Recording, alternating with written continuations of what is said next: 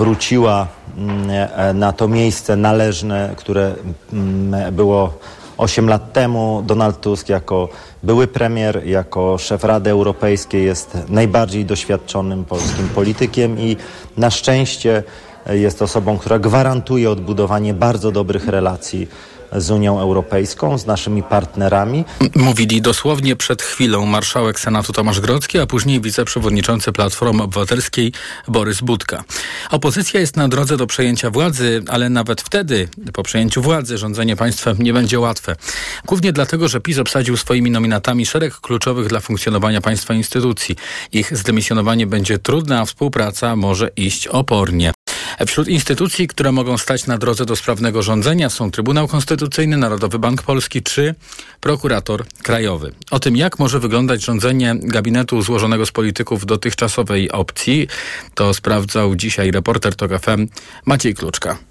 Na przykład prezes Narodowego Banku Polskiego Adam Glapiński będzie na swoim stanowisku do 2028 roku. Z jego decyzjami będzie się musiał liczyć nowy minister finansów, przyznaje senator niezależny Krzysztof Kwiatkowski. Oczywiście, że obawiamy się tego, że Prawo i Sprawiedliwość zrobi wszystko, żeby to, co niezbędne do wprowadzenia, jeżeli nie uniemożliwić, to co najmniej utrudnić. Kolei nowy minister sprawiedliwości, który będzie chciał naprawić w Polsce praworządność, będzie musiał się liczyć z prokuratorem krajowym i jego nowymi, nadanymi przez PiS uprawnieniami. Co prawda prokuratora krajowego oraz jego zastępców powołuje i odwołuje premier, ale PiS wprowadził zasadę, że premier musi uzyskać wtedy opinię prezydenta, a nim do 25 roku będzie Andrzej Duda. Zbigniew Ziobro zadbał o to, by ustawowo zagwarantować sobie wpływy w prokuraturze na wypadek utraty władzy, mówi poseł trzeciej drogi Marek Biernacki. Z drugiej strony podejrzewam, że też duża część urzędników, nominatów pisowskich nie będzie się też upierała. To, to, to, to jest też takie tradycyjne rzadko, które kto upiera się, żeby też tkwić na tym, na tym stanowisku do końca. Poza personaliami ważna będzie też zmiana filozofii rządzenia, dodaje poseł Biernacki. Trzeba stworzyć korpus służby cywilnej, profesjonalnej grupy urzędników, którzy pracują w instytucjach publicznych bez względu na zmianę władzy. W tym kierunku będziemy zmierzali. Zresztą państwo też uważam, że powinno być bardziej zdecentralizowane położone tak segmentowo, ustawione. Zobaczmy, co się dzieje w Izraelu. Netanyahu zmienił te państwo, które się bardzo sprawne było, segmentowe. Prowadził politykę taką samą jak pan prezes Kaczyński, czyli na, wszystko na rozkaz. No i to państwo poniosło klęskę. To jest też przestroga dla wszystkich. Opozycja podkreśla, że nawet jeśli część instytucji nadal będzie kierowana przez urzędników powołanych przez PiS, to są decyzje, które będzie można podjąć bez ich współudziału. W naprawie praworządności takim sposobem jest wymiana rzeczników dyscyplinarnych sędziów. To oni, używając przepisów tzw. Tak ustawy kagańcowej, karali sędziów, m.in. sędziego Tuleje i Juszczyszyna, za wydawanie orzeczeń. To m.in. z tego powodu Polska miała problemy przed Unijnym Trybunałem Sprawiedliwości i ciągle ma zablokowane środki z KPO. Przypomina senator Krzysztof Kwiatkowski, były minister sprawiedliwości. Natychmiast odwołamy rzeczników dyscyplinarnych, nominatów partyjno-politycznych PiSu i ministra Ziobry i nowych rzeczników dyscyplinarnych E, będziemy powoływać w uzgodnieniu ze środowiskami sędziowskimi. I to będzie czytelny sygnał także dla Komisji Europejskiej, że to, co było główną przesłanką mówiącą o tym, że w Polsce nie przestrzegane są zasady praworządności, czyli ingerowanie w niezawisłość sędziowską, można załatwić bardzo szybko. Mam także nadzieję, że to będzie jeden z elementów, który odblokuje fundusze europejskie. Czyli nie jedna generalna ustawa przywracająca praworządność i naprawiająca funkcjonowanie państwa, a takie zapowiedzi przed wyborami składali niektórzy politycy opozycji, a mozolna, ale skuteczna praca, by krok po kroku rozwiązywać problemy, mówi poseł Nowej Lewicy Krzysztof Gawkowski. Żeby zbudować nowe państwo, stare państwo trzeba naprawić. Na początek trzeba zrobić wszystko, żeby prawo i sprawiedliwość zostało rozliczone, a z drugiej strony, żeby obywatele czuli stabilność finansów publicznych, gospodarki, odpowiedzialności przed Unią Europejską, współpracy z partnerami. Opozycja ma też plany na zmiany w mediach, kiedy kiedyś publicznych, dziś rządowych. Jednym ze scenariuszy jest zwołanie przez nowego ministra kultury walnego zgromadzenia zarządu TVP, które postawi media publiczne w stan likwidacji. Pozwoli to powołać nowe zarządy bez udziału Rady Mediów Narodowych, ciała powołanego przez PiS. O czym informował reporter TOK FM Maciej Kluczka. TOK 360. W przyszłym tygodniu, jak już wspominałem, Andrzej Duda będzie rozmawiał z przedstawicielami partii, które weszły do Sejmu. Opozycja przyjdzie do prezydenta z 248 mandatami, czyli jedyną większością zdolną do powołania nowego rządu. Tak argumentują politycy Koalicji Obywatelskiej, Trzeciej Drogi i Lewicy. Tymczasem przedstawiciele PiSu, które to ugrupowanie w niedzielę dostało najwięcej głosów, no ale nie ma szans na utrzymanie władzy, przekonują, że to ich partia powinna dostać misję utworzenia gabinetu. Europoseł PiSu Zbigniew Kuźmiuk jest przekonany, że to Prawo i Sprawiedliwość, a dokładnie Mateusz Morawiecki po raz kolejny będzie formował rząd. Pan prezydent e, parokrotnie już mówił, że dochowa tradycji konstytucyjnej powierzy misję tworzenia rządu przedstawicielowi zwycięskiego ugrupowania, a tym zwycięskim ugrupowaniem, co nie ulega wątpliwości, jest Prawo i Sprawiedliwość. W rzeczywistości ani prezydent, ani jego ludzie wprost nie zapowiedzieli, że to PiS będzie tworzyło nowy gabinet, bo dla Andrzeja Dudy jest jasne, że ugrupowanie, z którego sam się wywodzi, nie ma już większości, by rządzić, a premierem zostanie Donald Tusk, zauważa Cezary Tomczyk z Koalicji Obywatelskiej bo my i tak dopniemy swego. Jeżeli będzie to dwa tygodnie później, to tylko będzie świadczyło o tym, że prezydent no, stracił jakąkolwiek e, godność, jakąkolwiek resztę godności, jeśli jakąkolwiek kiedyś miał. A wciąż nie wiadomo jednak jaka e, ostatecznie decyzja pana prezydenta będzie. Rozmowy w Pałacu Prezydenckim są zaplanowane na wtorek i środę, a prezydent będzie się spotykał z przedstawicielami poszczególnych partii. Kolejno to będą e, partie właśnie, które zwyciężyły w wyborach. Z osobna będzie się z nimi spotykał. W pierwszym rzędzie przywrócenie praworządności na granicy z Białorusią i zaangażowanie państwa w potrzebną tam pomoc humanitarną, a długofalowo odpowiedzialna i dostosowana do rzeczywistości nieuniknionych globalnych migracji polityka państwa. Na to po zmianie władzy liczą organizacje i ludzie walczący od dwóch lat z rozgrywającym się na e, pograniczu e, Polski i Białorusi na terenach e, podlaskiego i lubelskiego kryzysem humanitarnym. O szczegółach ich oczekiwań teraz reporter TOK FM Jakub Medek. Z publikowanych codziennie komunikatów Straży Granicznej wynika, że liczba osób, które chcą się codziennie dostać z Białorusi do Unii Europejskiej nie maleje. Codziennie jest ich od kilkudziesięciu do ponad stu. Zmalała natomiast od początku kampanii wyborczej liczba tych, którzy już po polskiej stronie proszą o pomoc. Zdaniem Aleksandry Chrzanowskiej ze Stowarzyszenia Interwencji Prawnej i Grupy Granica wyjaśnienie jest proste. Przedwyborcze wzmocnienie sił pilnujących granicznego płotu o kilka tysięcy żołnierzy. Nie wiem jak długo państwo może utrzymywać zarówno płot, który codziennie trzeba naprawiać, bo, bo on jest co chwilę niszczony i jednocześnie całą armię w strefie przygranicznej, która będzie na ludzi polować. To w ogóle nie ma o czym dyskutować. To jest rozwiązanie niezgodne z prawem i niezgodne z prawami człowieka. Organizacje pomocowe liczą na to, że pretendujące do władzy ugrupowania obecnej opozycji dotrzymają słowa i państwo polskie zacznie na granicy w końcu przestrzegać prawa. Wszystkie osoby, które wjeżdżają do Polski i proszą o ochronę międzynarodową, wobec nich powinna zostać wszczęta procedura udzielenia ochrony międzynarodowej międzynarodowej. Jeśli nie proszą o ochronę, może zostać wszczęte postępowanie o zobowiązanie do powrotu, ale nikogo nie można przerzucać bez żadnego trybu z jednej strony granicy na drugą, a to jest to, co się dzieje tutaj od ponad e, dwóch lat. Chrzanowska podkreśla też, że od dwóch lat niesieniem pomocy migrantom na pograniczu zajmują się wyłącznie wolontariusze z różnych organizacji, a głównie po prostu mieszkańcy regionu. To nie powinno tak wyglądać. Za przyjmowanie osób, których życie w ich krajach jest zagrożone, za postępowania administracyjne wobec nich, za udzielanie im podstawowej pomocy humanitarnej, za wsparcie ich w integracji tutaj, w odnajdywaniu się w nowej dla nich rzeczywistości, odpowiada państwo. To państwo i jego instytucje powinny wieść prym w tych działaniach, a oczywiście organizacje społeczne czy wolontariusze powinny się angażować we wspieranie tych działań, które jednak powinny być prowadzone i koordynowane przez państwo. Tyle w kwestii rozwiązań doraźnych. One jednak nie sprawią, że problem zniknie. Ekspertka przypomina, że masowe migracje z krajów biedniejszych czy mocniej dotkniętych kryzysem klimatycznym będą narastać. Więc my się musimy przygotować na to, że te osoby się będą tu pojawiać e, i musimy stworzyć zarówno ramy prawne do tego, żeby te osoby mogły się tutaj pojawiać w legalny i bezpieczny dla nich, a tym samym dla nas, społeczeństw przyjmujących sposób oraz musimy stworzyć takie programy integracyjne, żeby te osoby mogły się tutaj jak najszybciej znaleźć, bo tylko przyjęcie ludzi tutaj z poszanowaniem ich godności ludzkiej, z, z poszanowaniem ich praw człowieka jest gwarantem tego, że będziemy tutaj wszyscy e, zgodnie i bezpiecznie koegzystować. W tej sprawie bowiem nie chodzi wyłącznie o bezpieczeństwo osób migrujących. Obecna chaotyczna, niehumanitarna, niezgodna z prawem i nieskuteczna polityka migracyjna zagraża bowiem również, a może przede wszystkim, bezpieczeństwu polskich obywateli. Jakub Medek, TOK FM. Podsumowanie dnia w Radiu TOK FM. TOK 360 y, w programie już teraz o Palestyńczykach ze strefy gazy, którzy oczekują na pomoc humanitarną. Po wczorajszej wizycie w Izraelu prezydenta USA Joe Bidena jeszcze dzisiaj miało do nich trafić od strony Egiptu 20 ciężarówek z taką właśnie pomocą.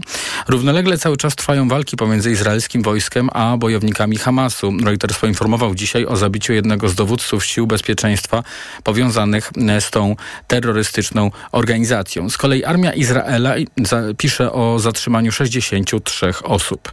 Zachodni politycy, tak jak wczoraj Joe Biden, przyjeżdżają do Izraela nie tylko po to, by wyrazić solidarność, ale także po to, by oddalić wizję eskalacji konfliktu na cały region. Dzisiaj w Izraelu jest premier Wielkiej Brytanii Rishi Sunak, który mówił m.in. o pomocy humanitarnej.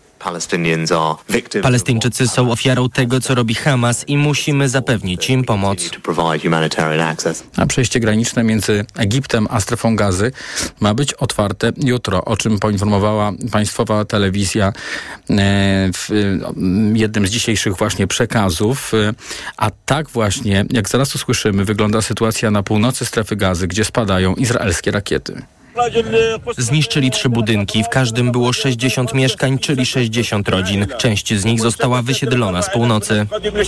Opowiada mieszkaniec Al-Zahry. Izrael utrzymuje, że atakuje tylko infrastrukturę powiązaną z terrorystami z Hamasu. Sytuację na Bliskim Wschodzie śledzi Bruksela. Parlament Europejski przyjął dzisiaj rezolucję, w której żąda niezależnego dochodzenia w sprawie wtorkowego ataku na szpital w strefie gazy. No i wzywa też do uwolnienia zakładników porwanych przez Hamas i apeluje o deeskalację i przestrzeganie międzynarodowego prawa humanitarnego. Przed głosowaniem swoje historie opowiedziały europosłom trzy osoby, które przeżyły atak palestyńskich terrorystów. Jedna z nich podkreślała. Hamas trzeba zwalczyć, żebyśmy mogli godnie żyć, ale chodzi też o to, żeby godne życie mieli Palestyńczycy. Terror Hamasu przynosi obecnie ogromne cierpienie narodowi palestyńskiemu. Dodawała szefowa Komisji Europejskiej Ursula von der Leyen, według której nie ma sprzeczności w tym, że wspiera się Izrael, a jednocześnie działa na rzecz humanitarnych potrzeb Palestyńczyków. Od początku trwającej wojny zginęło co najmniej 1400 Izraelczyków i 3,5 tysiąca Palestyńczyków, a do sytuacji w strefie gazy i wizyty w Izraelu brytyjskiego premiera jeszcze będziemy wracali w TOK 360 w rozmowie z doktorem Krzysztofem Winklerem, ekspertem do spraw brytyjskich z Warsaw Enterprise Institute. TOK 360. Nagroda imienia Sacharowa 2023 za wolność myśli dla ruchu kobiet, życia i wolności w Iranie, a także dla Maxy Amini, kurdyjki zamordowanej przez irański reżim.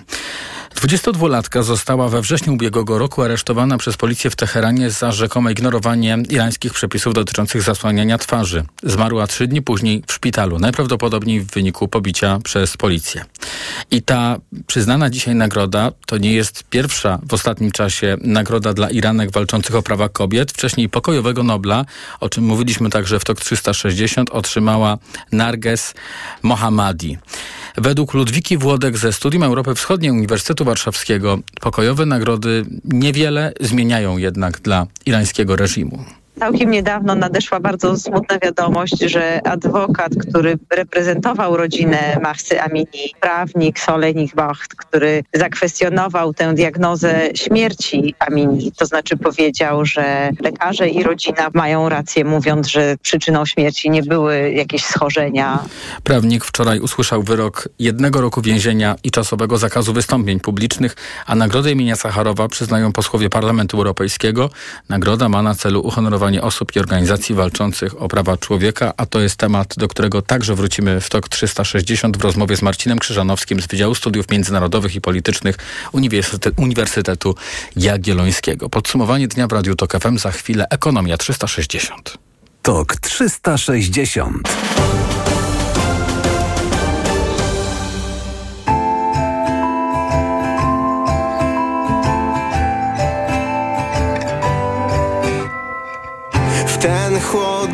czas wam opowiem baśń o chłopcu, co pił za lepszy czas. Lecz pewnej nocy został sam.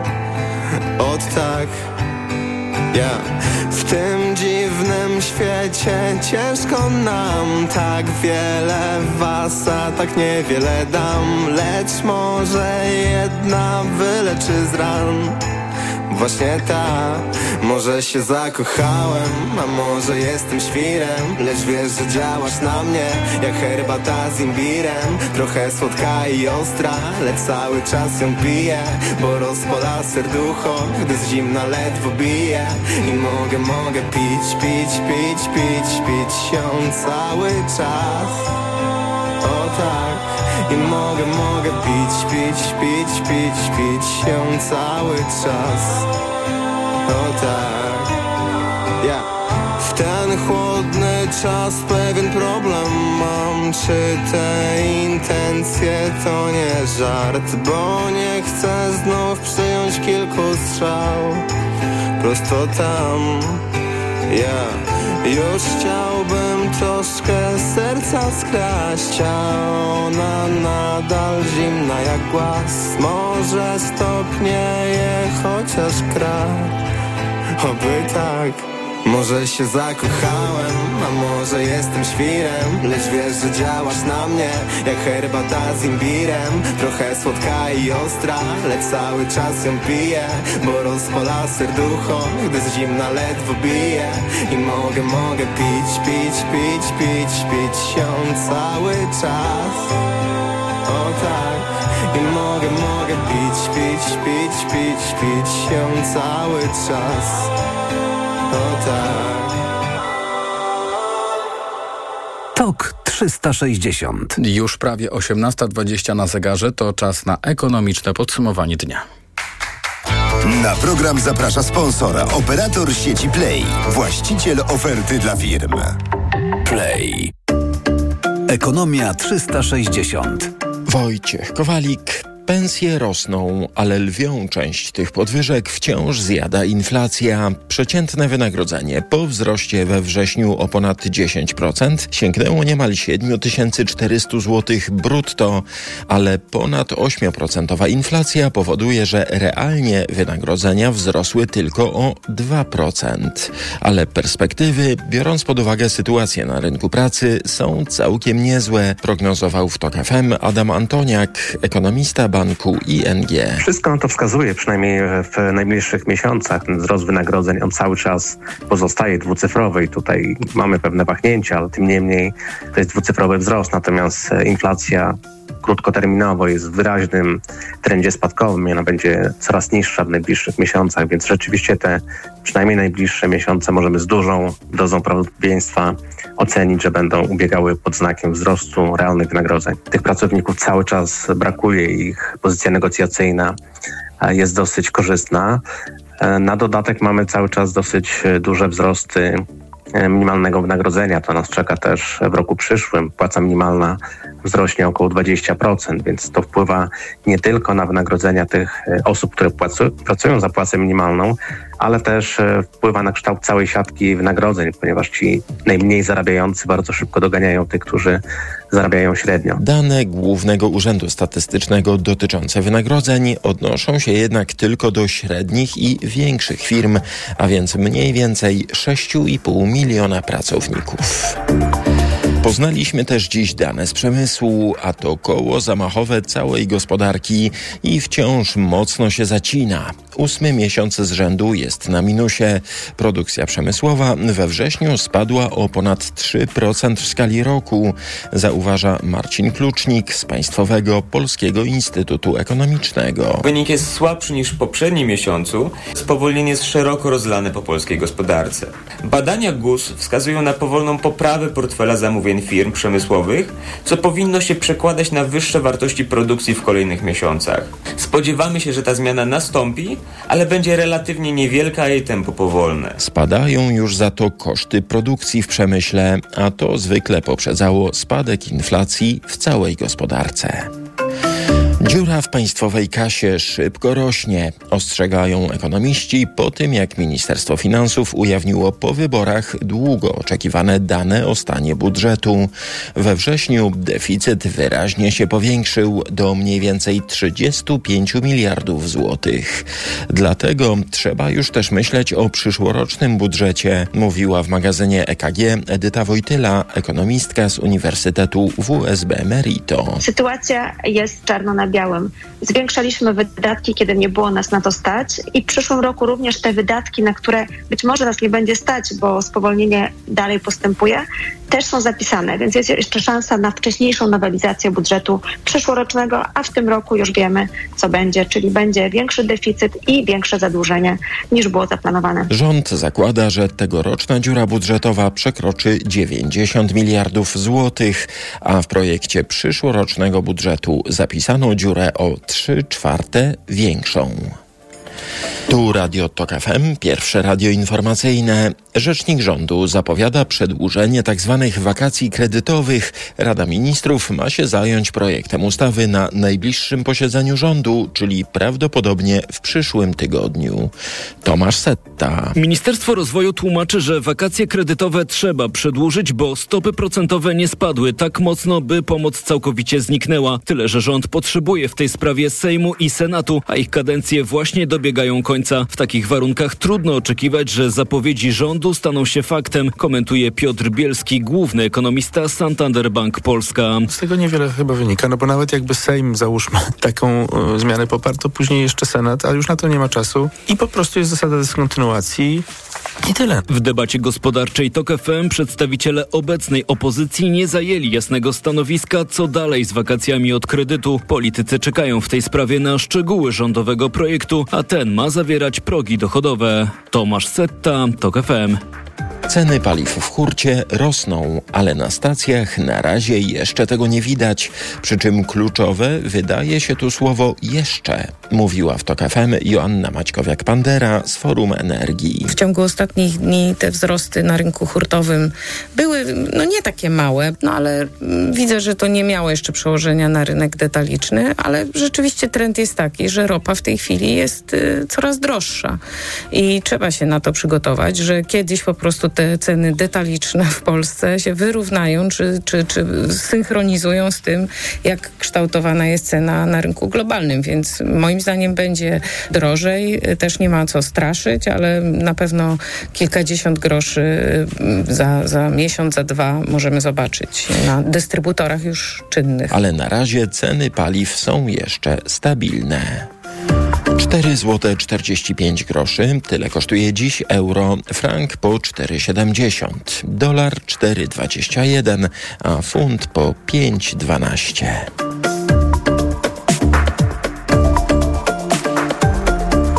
Ekonomia 360. Na program zaprosił sponsor, operator sieci Play, właściciel oferty dla firm. Play. Pogoda. Jeśli chodzi o przewidywania synoptyków dotyczące jutra, to w zależności od tego, gdzie Państwo mieszkają, są one pozytywne, w bardziej albo mniej. Na północy pochmurno i od 3 do 5 stopni, w centrum 8 stopni, no i szansa na przejaśnienia, a najwięcej słońca na południu i tam nawet 20 stopni. Radio TOK FM. Pierwsze radio informacyjne. TOK 360. Za chwilę połączymy się z doktorem Krzysztofem Winklerem, ekspertem do spraw brytyjskich z Warsaw Enterprise Institute, a będziemy rozmawiali o wizycie premiera Wielkiej Brytanii, Rishiego Sunaka w Izraelu. Reklama. Wygraj 100 tysięcy złotych lub auto hybrydowe w loterii urodzinowej Allegro Smart. Do wygrania także pół miliona w kartach podarunkowych na zakupy na Allegro. Kupuj, zarejestruj się i wygrywaj od 2 października do 12 listopada tego roku. Szczegóły w regulaminie Allegro. Co można kupić za 40 groszy? Dwie kostki czekolady, pół jajka albo dzienną porcję witamin i minerałów, bo tylko tyle kosztuje jedna tabletka ActiVitaminer Senior D3.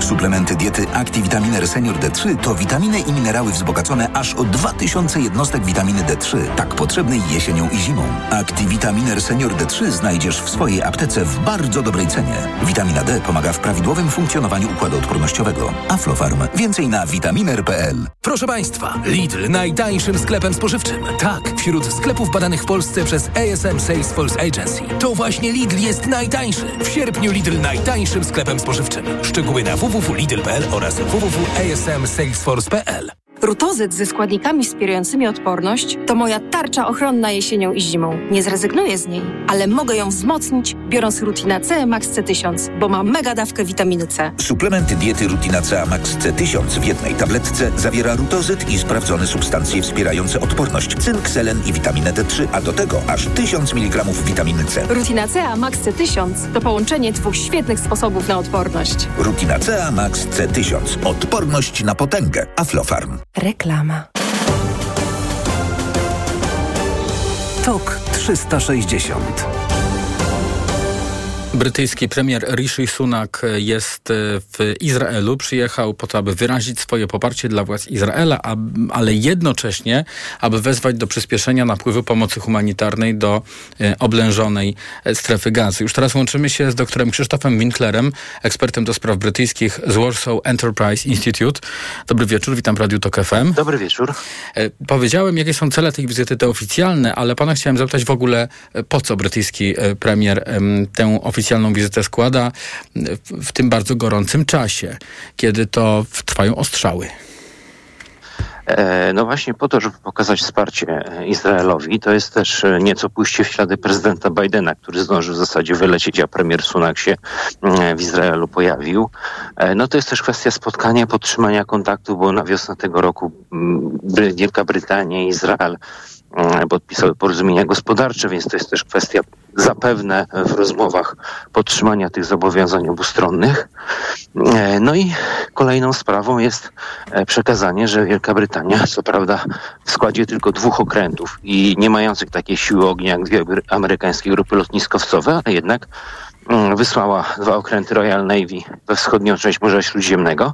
No i będzie tutaj Izrael wspierać przynajmniej w tym zakresie, no budując te siły odstraszające Iran, ewentualnie Hezbollah od większej eskalacji niż ma to miejsce do tej pory, to znaczy sporadycznych ostrzałów rakietowych z terytorium Libanu. Poza tym warto zauważyć, że w czasie ataku Hamasu poległo kilkoro brytyjskich obywateli.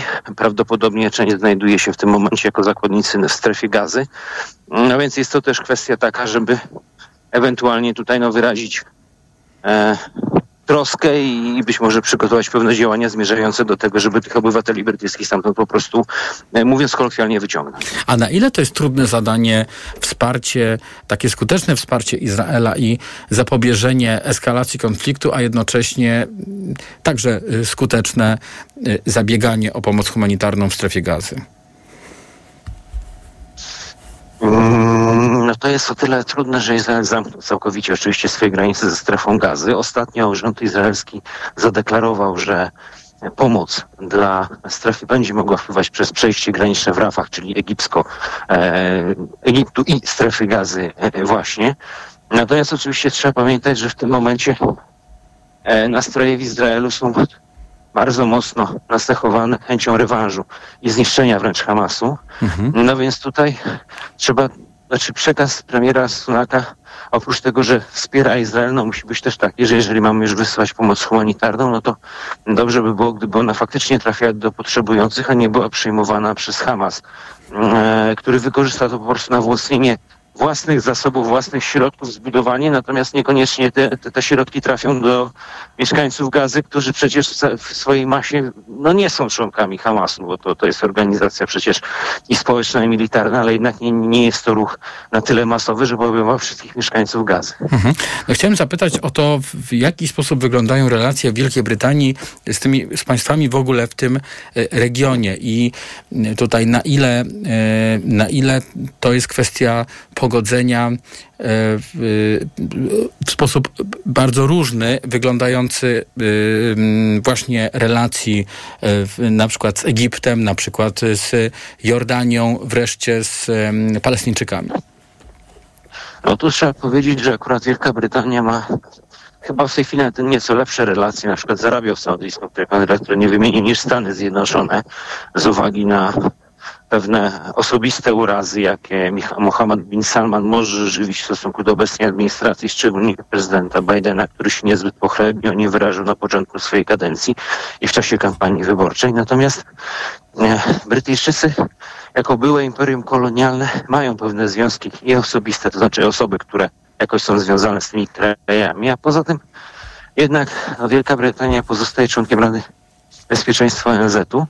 E, I co najważniejsze, te kontakty brytyjskie w tej chwili, ponieważ Brytyjczycy nie są już głównym gwarantem bezpieczeństwa w regionie, tak jak byli do roku 56 e, i, i wojny o kanał Suezki, no to w tym momencie jest im łatwiej też nawiązywać rozmowy, łatwiej jest prowadzić mm, pewne negocjacje, e, ponieważ nie są obciążeni bezpośrednio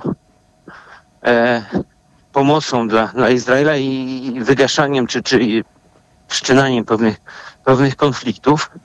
Także tutaj jeśli chodzi o Jordanię, o Egipt, właśnie Arabię Saudyjską, do której zresztą premier Sunak ma się udać y, po zakończeniu wizyty w Izraelu, no to pokazuje, że, że Brytyjczycy mhm. będą mieli jednak możliwość y, no, prowadzenia mhm. negocjacji w sposób zdecydowanie łatwiejszy niż Amerykanie, ponieważ y, ich postrzeganie, zwłaszcza wśród elit tych państw, no, nie odnosi się bezpośrednio do, do bieżących interesów, jednak Brytyjczycy oczywiście są obecni w Zatoce Perskiej, bo trzeba pamiętać, że brytyjska flota i brytyjskie jednostki specjalne są tam obecne w wybranych miejscach, natomiast ponieważ to nie jest już państwo odgrywające pierwszorzędną rolę, no to w tym momencie jest szansa na to, że być może właśnie te negocjacje doprowadzą do, czy przynajmniej pomogą w, w tworzeniu e, takiej koalicji, która no, doprowadzi powiedzmy do zawieszenia broni, czy do jakiegoś rozwiązania e, które umożliwi na przykład po pokonaniu Hamasu, bo, bo, bo tak większość zachodnich ekspertów to ocenia, no zaprowadzenie rządów w strefie gazy, które będą E,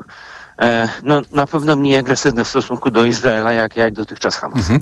A proszę powiedzieć, no bo mówiliśmy, e, mówiliśmy o zdolności negocjacyjnej Wielkiej Brytanii, a jeśli chodzi o samego Rishiego Sunaka, polityka, e, stosunkowo jakby stosunkowo krótko będącego na tym stanowisku, na ile jego głos może być silny? No tutaj tak naprawdę musimy, rektorze, zobaczyć, jak to będzie wyglądało w, w praktyce. Trzeba jeszcze pamiętać, że obok Rishiego Sunaka, właśnie w Jordanii, w Egipcie będzie James Cleverly, czyli Minister Spraw Zagranicznych Wielkiej Brytanii. E, I to pokazuje, że jest to wysiłek dyplomatyczny bardzo podobny do tego, jaki podjęli Amerykanie. Znaczy najpierw sekretarz stanu Anton Blinken, teraz prezydent e, Joe Biden. No i tutaj ich odpowiednicy po stronie e, brytyjskiej. E, trzeba pamiętać, że Rishi Sunak był też e, kanclerzem skarbu e, w rządzie Borisa Johnsona. No i wywodzi się z rynków finansowych. Myślę, że jeśli chodzi o osobiste zdolności negocjacyjne, to osoba pracująca w branży finansowej takowe powinna posiadać. Natomiast nie wiadomo, jak zostanie odebrana jego obecność i jak ustosunkują się do tego przywódcy państw arabskich. Musimy cały czas pamiętać, że znajdujemy się na Bliskim Wschodzie, a nie ma co ukrywać, że większość narodów, które możemy określić jako kulturą wschodu, no bardzo ceni sobie zdecydowaną postawę i siłę, niezależnie od tego, czy mówimy o sile osobistej, czy sile militarnej, czy gospodarczej. Więc tutaj, e, no jeżeli Boris jednak będzie chciał coś osiągnąć, to powinien się zaprezentować jako polityk zdecydowany i zdecydowany również na wykorzystanie atutów, które posiada. Bardzo dziękuję. Dr Krzysztof Winkler, ekspert do spraw brytyjskich z Warsaw Enterprise Institute, był razem z nami w podsumowaniu dnia, a już za chwilę połączymy się z profesor Dor Dorotą Piątek z Wydziału Nauk Politycznych i Dziennikarstwa Uniwersytetu Adama Mickiewicza w Poznaniu. Będziemy komentować tę bieżącą sytuację polityczną w kraju, bo jesteśmy świeżo po Radzie Krajowej Platformy Obywatelskiej, która wskazała Donalda Tuska na premiera, a także po zapowiedzi Pałacu Prezydenckiego, która dotyczy spotkań z ugrupowaniami opozycyjnymi. Reklama. RTV Euro AGD. Uwaga! Euro Super Days, a w nich super rabaty na tysiące produktów. Na przykład pralka Electrolux Perfect Care 9 kg. Najniższa cena z ostatnich 30 dni przed obniżką to 2999. Teraz za 2699 zł. I do 40 rat 0% na cały asortyment. RRSO 0%. Tylko do 26 października. Szczegóły i regulamin w sklepach i na euro.com.pl Osoba starsza, która ma problemy z apetytem i mniej je, potrzebuje substancji odżywczych i minerałów. Suplement diety Appetizer Senior zawiera ekstrakt z owocu kopru, który wzmaga apetyt oraz wspomaga trawienie. Dzięki temu bliska ci osoba może dobrze się odżywiać. Appetizer Senior. Aflofarm. Ekonomia 360. Słuchaj od poniedziałku do piątku o 18.20. Na program zaprasza sponsor, operator sieci Play, właściciel oferty dla firm z dwoma abonamentami w cenie jednego już od 50 zł netto miesięcznie po rabatach. Play. Balsam do ciała Atoderm od Bioderma nawilża i koi skórę już 10 lat. Z tej okazji od 10 października przez 10 dni kupując Atoderm Intensive Baume 500, drugi otrzymasz gratis. Najbliższy skórze Atoderm. Więcej na bioderma.pl. Znów mam infekcję intymną. Ja to mam pH. Tak, możesz mieć za wysokie pH pochwy, co sprzyja infekcjom. Zastosuj Iladian Direct Plus. Iladian Direct Plus przywraca i utrzymuje fizjologiczne pH pochwy, dzięki czemu zapobiega nawrotom infekcji. Iladian Direct Plus. Zapomnij o infekcjach intymnych. Pomocniczo w leczeniu oraz w profilaktyce bakteryjnego, grzybiczego lub mieszanego zapalenia pochwy, w łagodzeniu suchości i uczucia napięcia błony śluzowej pochwy. Aflofarm to jest wyrób medyczny. Używaj go zgodnie z instrukcją używania lub etykietą. Marian, a Mariolka mówiła... Czekaj, czekaj, czekaj, czekaj, czekaj. Barbara, w Media Expert są przeceny na urodziny. Też sobie to kupimy. Ostatni dzień przecen na urodziny w Media Expert. Na przykład laptop gamingowy Asus TUF F15. Najniższa cena z ostatnich 30 dni przed obniżką 3799 zł. Teraz za jedyne 2999 z kodem rabatowym taniej o 800 zł. Włączamy niskie ceny. Kaśka, to ty? Tak. Ale schudłaś. Stosujesz jakąś dietę? Nie, stosuję tabletki na wątrobę Hepa Slimin. Zobacz, wątroba spisuje się wspaniale i jem wszystko, choćby czekoladę. Widzę, że Hepa Slimin wspomaga też utrzymanie smukłej sylwetki. To tylko taki słodki dodatek. Przecież ja nie muszę się odchudzać. Pewnie, że nie. To ja też będę brać Hepa Slimin. Chcesz mieć słodkie życie bez diety? Chcę mieć zdrową wątrobę. Suplement diety Hepa Slimin w trosce o wątrobę i smukłą sylwetkę. Mate pomaga w utrzymaniu prawidłowej masy ciała, a cholina wspiera funkcjonowanie wątroby. Aflofarm. Kochanie, coś mnie bierze. Czy mamy witaminę C? Ale tę naturalną, Greenowita Acerole. Mamo, jest Greenowita Acerola? Często słyszę te pytania, bo moja rodzina uwielbia tabletki do ssania Greenowita Acerola. Dlaczego? To suplement diety z witaminą C w 100% naturalną. Zawiera ekstrakt z aceroli, który wspiera odporność mojej rodziny. Dodatkowo nie zawiera cukru i jest Przypyszna. Greenowita Acerola. Odporność z natury. Zdrowit. Hemoroidy dokuczają mi coraz bardziej, choć próbowałam różnych środków. Przy silnych hemoroidach nie każdy lek pomoże. Zastosuj Proctohemolan. Krem Proctohemolan przynosi ulgę nawet w ostrych objawach hemoroidów. Do tego zapobiega nawrotom choroby. Proctohemolan. Bez hemoroidów szybko i na długo. Proctohemolan krem. Tribenozy, tridokaina. Wewnętrzne i zewnętrzne żylaki odbytu. Przeciwwskazania na wrażliwość na którykolwiek ze składników. Aflofarm. Przed użyciem zapoznaj się z treścią ulotki dołączonej do opakowania bądź skonsultuj się z lekarzem lub farmaceutą, gdyż każdy lek niewłaściwie stosowany zagraża Twojemu życiu lub zdrowiu. Reklama. TOK 360. To podsumowanie dnia w Radiu TOK FM. Jest z nami profesor Dorota Piątek z Wydziału Nauk Politycznych i Dziennikarstwa Uniwersytetu Adama Mickiewicza w Poznaniu. Dobry wieczór, witam w Radiu TOK Dobry FM. wieczór. Na początek porozmawiamy o decyzji Zarządu Krajowego Platformy Obywatelskiej, która wskazuje Donalda Tuska jako kandydata na premiera. I to w zasadzie nie jest nic zaskakującego, a przez to być może także ciekawego. A może jednak e, by pani profesor tutaj coś tam ciekawego na, na, na temat tego wyboru powiedziała? No, obawiam się, że to, co pan powiedział, ma tutaj zastosowanie w pełni, to znaczy nie jest ani zaskakująca decyzja, y, także i tryb czy sposób, w jaki udzielono zaufania panu y, przewodniczącemu, też nie jest zaskakujący. Przypominam, że zdaje się, przez aklamację się to odbyło y, i myślę, że no, w związku z tym jest to rzecz całkowicie naturalna E, i zrozumiała i życzyłabym sobie, żeby więcej takich naturalnych i zrozumiałych rzeczy w polskiej polityce było. Mhm. Działacze partyjni tutaj nie mają wątpliwości. A czy pani nie ma wątpliwości, że w tej aktualnie sytuacji politycznej w Polsce to rzeczywiście jest e, jedyny kandydat, którego te ugrupowania, e, znaczy na razie mówimy o Platformie Obywatelskiej, ale, mhm. ale w rezultacie to będzie reprezentant no, trzech ugrupowań stanowiących mhm. tę większościową siłę. Znaczy ja myślę tak, że jest e, wiele pewnie spraw, które i wyborcy, ale także i politycy, także ci, e, czy głównie ci koalicyjni mają wiele spraw, co do których mają zastrzeżenia związanych z panem Donaldem Tuskiem. E, każdy ma jakieś tam pewnie niezałatwiane sprawy. Myślę, że ten rok 2014 gdzieś tam waży, ale myślę również, że niezależnie właśnie od tam sympatii, czy, czy jakichś zastrzeżeń, czy być może braku sympatii, a jest jest rzeczą absolutnie niepodważalną, że to Donald Tusk zmobilizował e, środowisko, czy środowiska opozycyjne, to on e, narzucił określone tempo, czy intensywność prowadzenia kampanii. I jeżeli popatrzymy, e, gdzie opozycja była lat temu dwa, gdzie jest obecnie, to myślę, że nie ma żadnej wątpliwości, że taką osobą, która może reprezentować koalicję przyszłą, zakładamy, oczywiście z poszanowaniem praw jej uczestników, czy też tych wszystkich ciał, które się na nią składają, no, że taką osobą jest Donald Tusk. Myślę, że żadnych wątpliwości nie ma. Zresztą też z tego, co słyszę, liderzy pozostałych ugrupowań aktualnie opozycyjnych też nie, nie, nie, nie uzurpują sobie takiego e, prawa, e, czy też nie twierdzą, czy też nie kwestionują e, prawa Donalda Tuska mhm. do reprezentowania właśnie y, tych y, ugrupowań. Wiemy już, że w przyszłym tygodniu prezydent Andrzej Duda spotka się z przedstawicielami poszczególnych ugrupowań. To będą spotkania z osobna z tymi ugrupowaniami, a nie na przykład y, trojgiem mhm. ugrupowań tych zwycięskich, a wcześniej dajmy na to z, z PiSem czy Zjednoczoną Prawicą. Jak to pani odczytuje i czego się pani spodziewa po tym? Znaczy, myślę, że nie będę oryginalna, kiedy, kiedy powiem, że odczytuję to jako możliwość wykorzystania czy wykorzystywania przez pana prezydenta wszystkich możliwości, żeby opóźnić tak naprawdę, a być może uniemożliwić powołanie rządu um, obecnej opozycji. Sytuacja jest dosyć jasna. Znaczy, po pierwsze, e, ja przyznam szczerze, nie śledzę jakoś tak nadmiernie regularnie kalendarza pana prezydenta, ale dzisiaj weszłam na odpowiednią stronę i nie zauważyłam tam żadnych planów, które by powodowały, że pan prezydent musi odkładać spotkanie z politykami w tak ważnej sprawie. Było, nie było jak powołanie rządu, szczególnie w tak no, skomplikowanej sytuacji międzynarodowej, także krajowej, w jakiej się znajdujemy.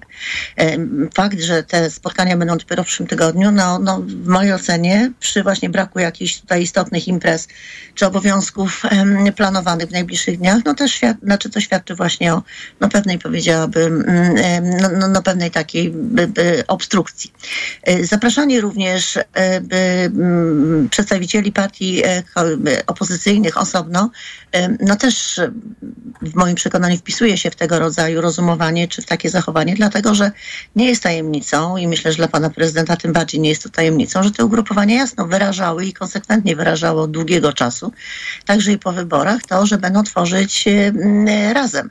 E, rząd, e, czyli e, no nie ma tutaj jakby obaw tego rodzaju, czy niepewności, które ewentualnie w rozmowie z panem prezydentem mogłyby się pojawić, czy pan prezydent mógłby tutaj zagrać rolę jakiegoś arbitra. Także wydaje mi się, że i traktowanie opozycji jako, jako osobnych bytów, które ewentualnie mogą mieć różne plany dotyczące udziału w przyszłych rządach w Polsce, także i odkładanie tak naprawdę spotkania z przedstawicielami tychże ugrupowań, no świadczy, czy wpisuje się w taki właśnie, w takie przekonanie, że pan mhm. prezydent z dużą niechęcią e, akceptuje wynik e, wyborów. No, czyli mamy odwlekanie przez pana prezydenta określonych decyzji, wspieranie swojego środowiska politycznego, tego, z którego e, pochodzi, więc nic tutaj nowego. A czy jest, widzi pani tu jakiś obszar, gdzie może nas czekać jakieś zaskoczenie? No i co się kryje za tym, z jednej strony trochę milczeniem przedstawicieli Zjednoczonej Prawicy, z drugiej strony no także nieobecnością Zbigniewa Ziobry. Co się dzieje w tym gronie? Znaczy ja myślę, że wyniki wyborów były zaskakujące dla e, wszystkich, e, bowiem e, partie koalicyjne rządzące nie spodziewały się, myślę, tak dobrego wyniku opozycji, szczególnie, że no generalnie nikt się nie spodziewał tak dobrego wyniku trzeciej, trzeciej drogi. Także myślę, że tutaj mm, to była niespodzianka. Pamiętajmy, że nawet nie chodzi o różnice w głosach, tylko chodzi o no, rozkład sił, prawda? Zbigniew Ziobro został z tego, co widzimy po opublikowanych listach przedstawicieli w parlamencie, został z tym samym zasobem, z którym był. To e, zasoby e, e, Prawa i Sprawiedliwości dosyć znacząco zostały uszczuplone. Także myślę, że pozycja pana Ziobry, przynajmniej w jego ocenie, jest inna, czy jest lepszą po, pozycją, czy przetargową, czy mhm. pozycją jakąś negocjacyjną, potrzebną do zrealizowania no, wewnętrznych celów, czy partykularnych celów tego ugrupowania. Także myślę, że w tej chwili jest taki czas na po pierwsze oswojenie się z sytuacją, po drugie no właśnie przemyślenie, tak, jak to będzie wyglądało, z czego można zażądać, mm, jakie warunki można postawić, a no przecież wiemy, że zjednoczona, mm, zjednoczona prawica była tak naprawdę w dużej mierze jedynie nominalnie zjednoczona, to znaczy no w wersji, w praktyce wiemy przecież, że są mhm. tam i wewnętrzne tarcia, napięcia i właśnie partykularne interesy. Jeszcze na koniec, jakby pani mogła bardzo krótko odnieść się do planów wizyty Donalda Tuska w Brukseli w sprawie Krajowego Planu Odbudowy. Co oznacza ten ruch? Co tu się wydarzy? Ten ruch jest w mojej ocenie mm, pokazaniem, że mm, pan Donald Tusk, podobnie jak i cała przyszła koalicja, e, je będzie konsekwentnie realizowała e, to, co obiecała. Jedną z takich naczelnych obietnic było to, że możliwie jak najszybciej będą podjęte mhm. starania o uruchomienie środków z Unii Europejskiej. Myślę, że ta planowana wizyta jest dowodem na to, że czas realizacji się rozpoczął. Bardzo dziękuję. Profesor Dorota Piątek z Wydziału Nauk Politycznych i Dziennikarstwa Uniwersytetu Adama Mickiewicza w Poznaniu. A już za chwilę połączymy się z Marcinem Krzyżanowskim z Wydziału Studiów Międzynarodowych i Politycznych Uniwersytetu Jagiellońskiego. Będziemy e, rozmawiali o Nagrodzie Sacharowa dla Maxy Amini.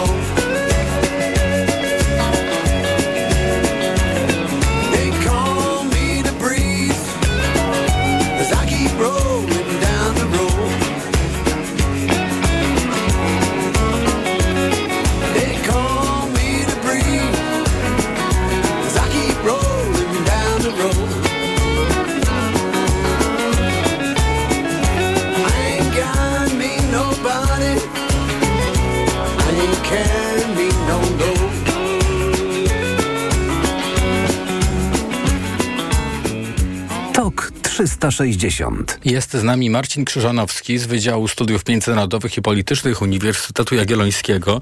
Dobry wieczór, witam w Radiu TOK FM.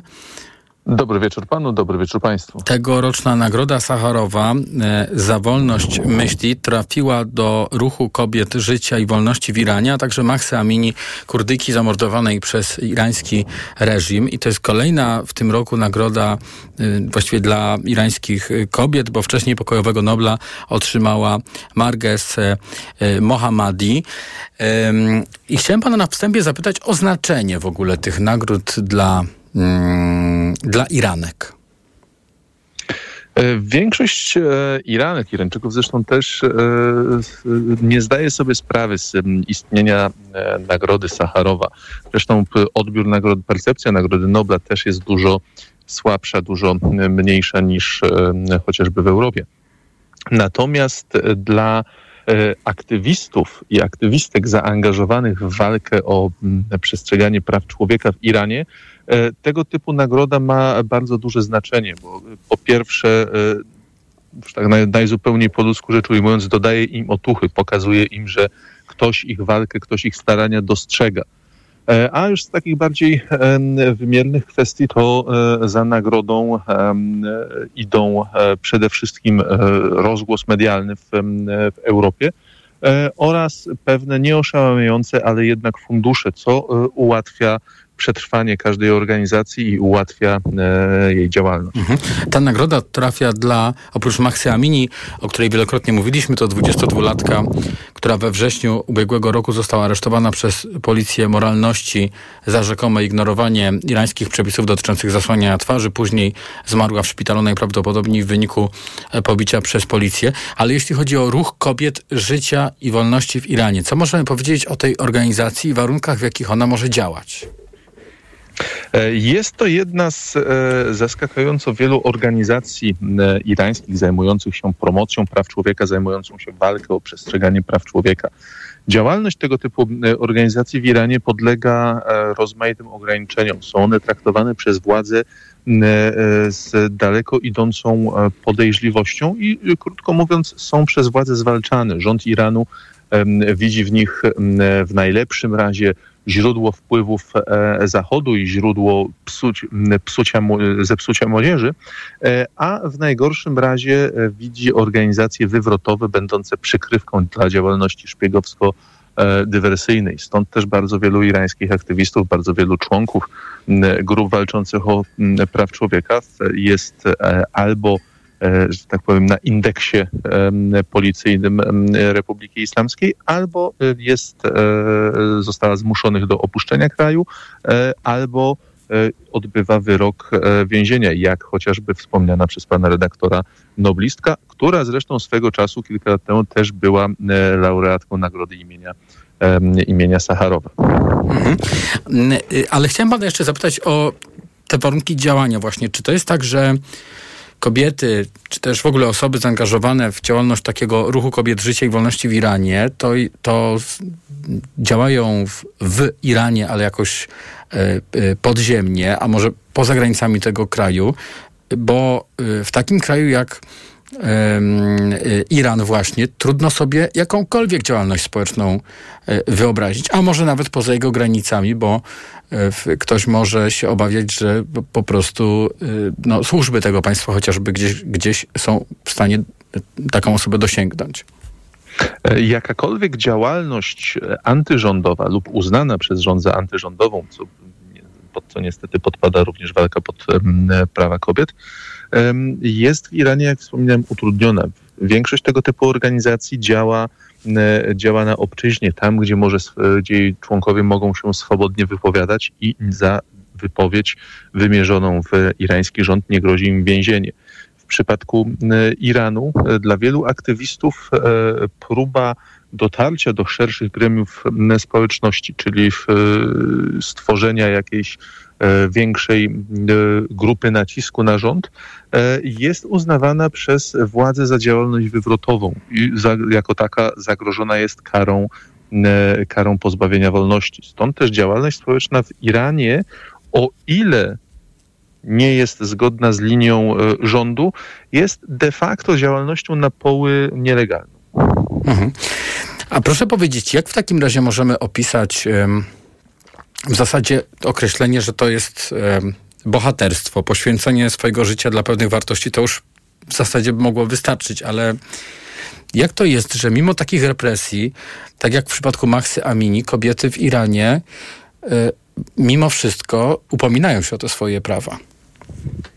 No, jest to e, postawa, która wymyka się takim e, standardowym e, osądom, takim standardowemu podejściu, bo tutaj no, nie chciałbym popadać w, prze, w przesadę, ale słowo heroizm w pewnych przypadkach, heroizm dnia codziennego samo ciśnie się na usta. Tutaj kobiety, a ściślej mówiąc kwestia zasłaniania przez Iranki włosów, co nakazuje im obecne prawo irańskie, e, stały się właśnie symbolem walki nie tylko o prawa kobiet, ale walki o prawa człowieka w, e, w Iranie.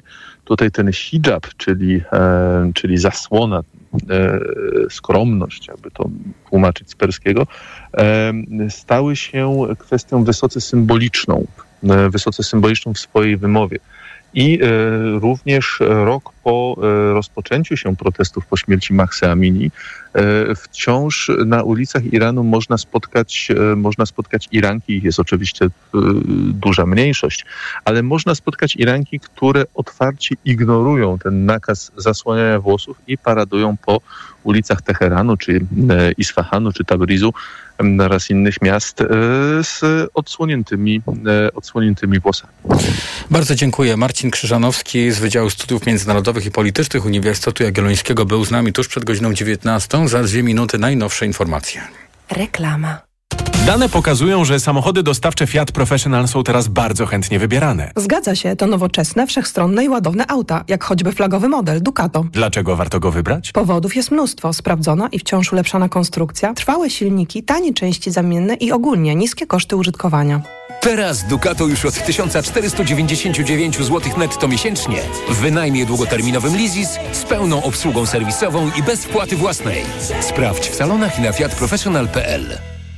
Przepraszam, coś pani zgubiła. Mój magnes, bardzo dziękuję. Suplement diety Neomak Forte D3. Magnes. Może stąd to przyciąganie. Ja też biorę magnes. Sporo nas łączy. Łączy to Neomak Forte D3, dużą dawkę magnezu i aż 2000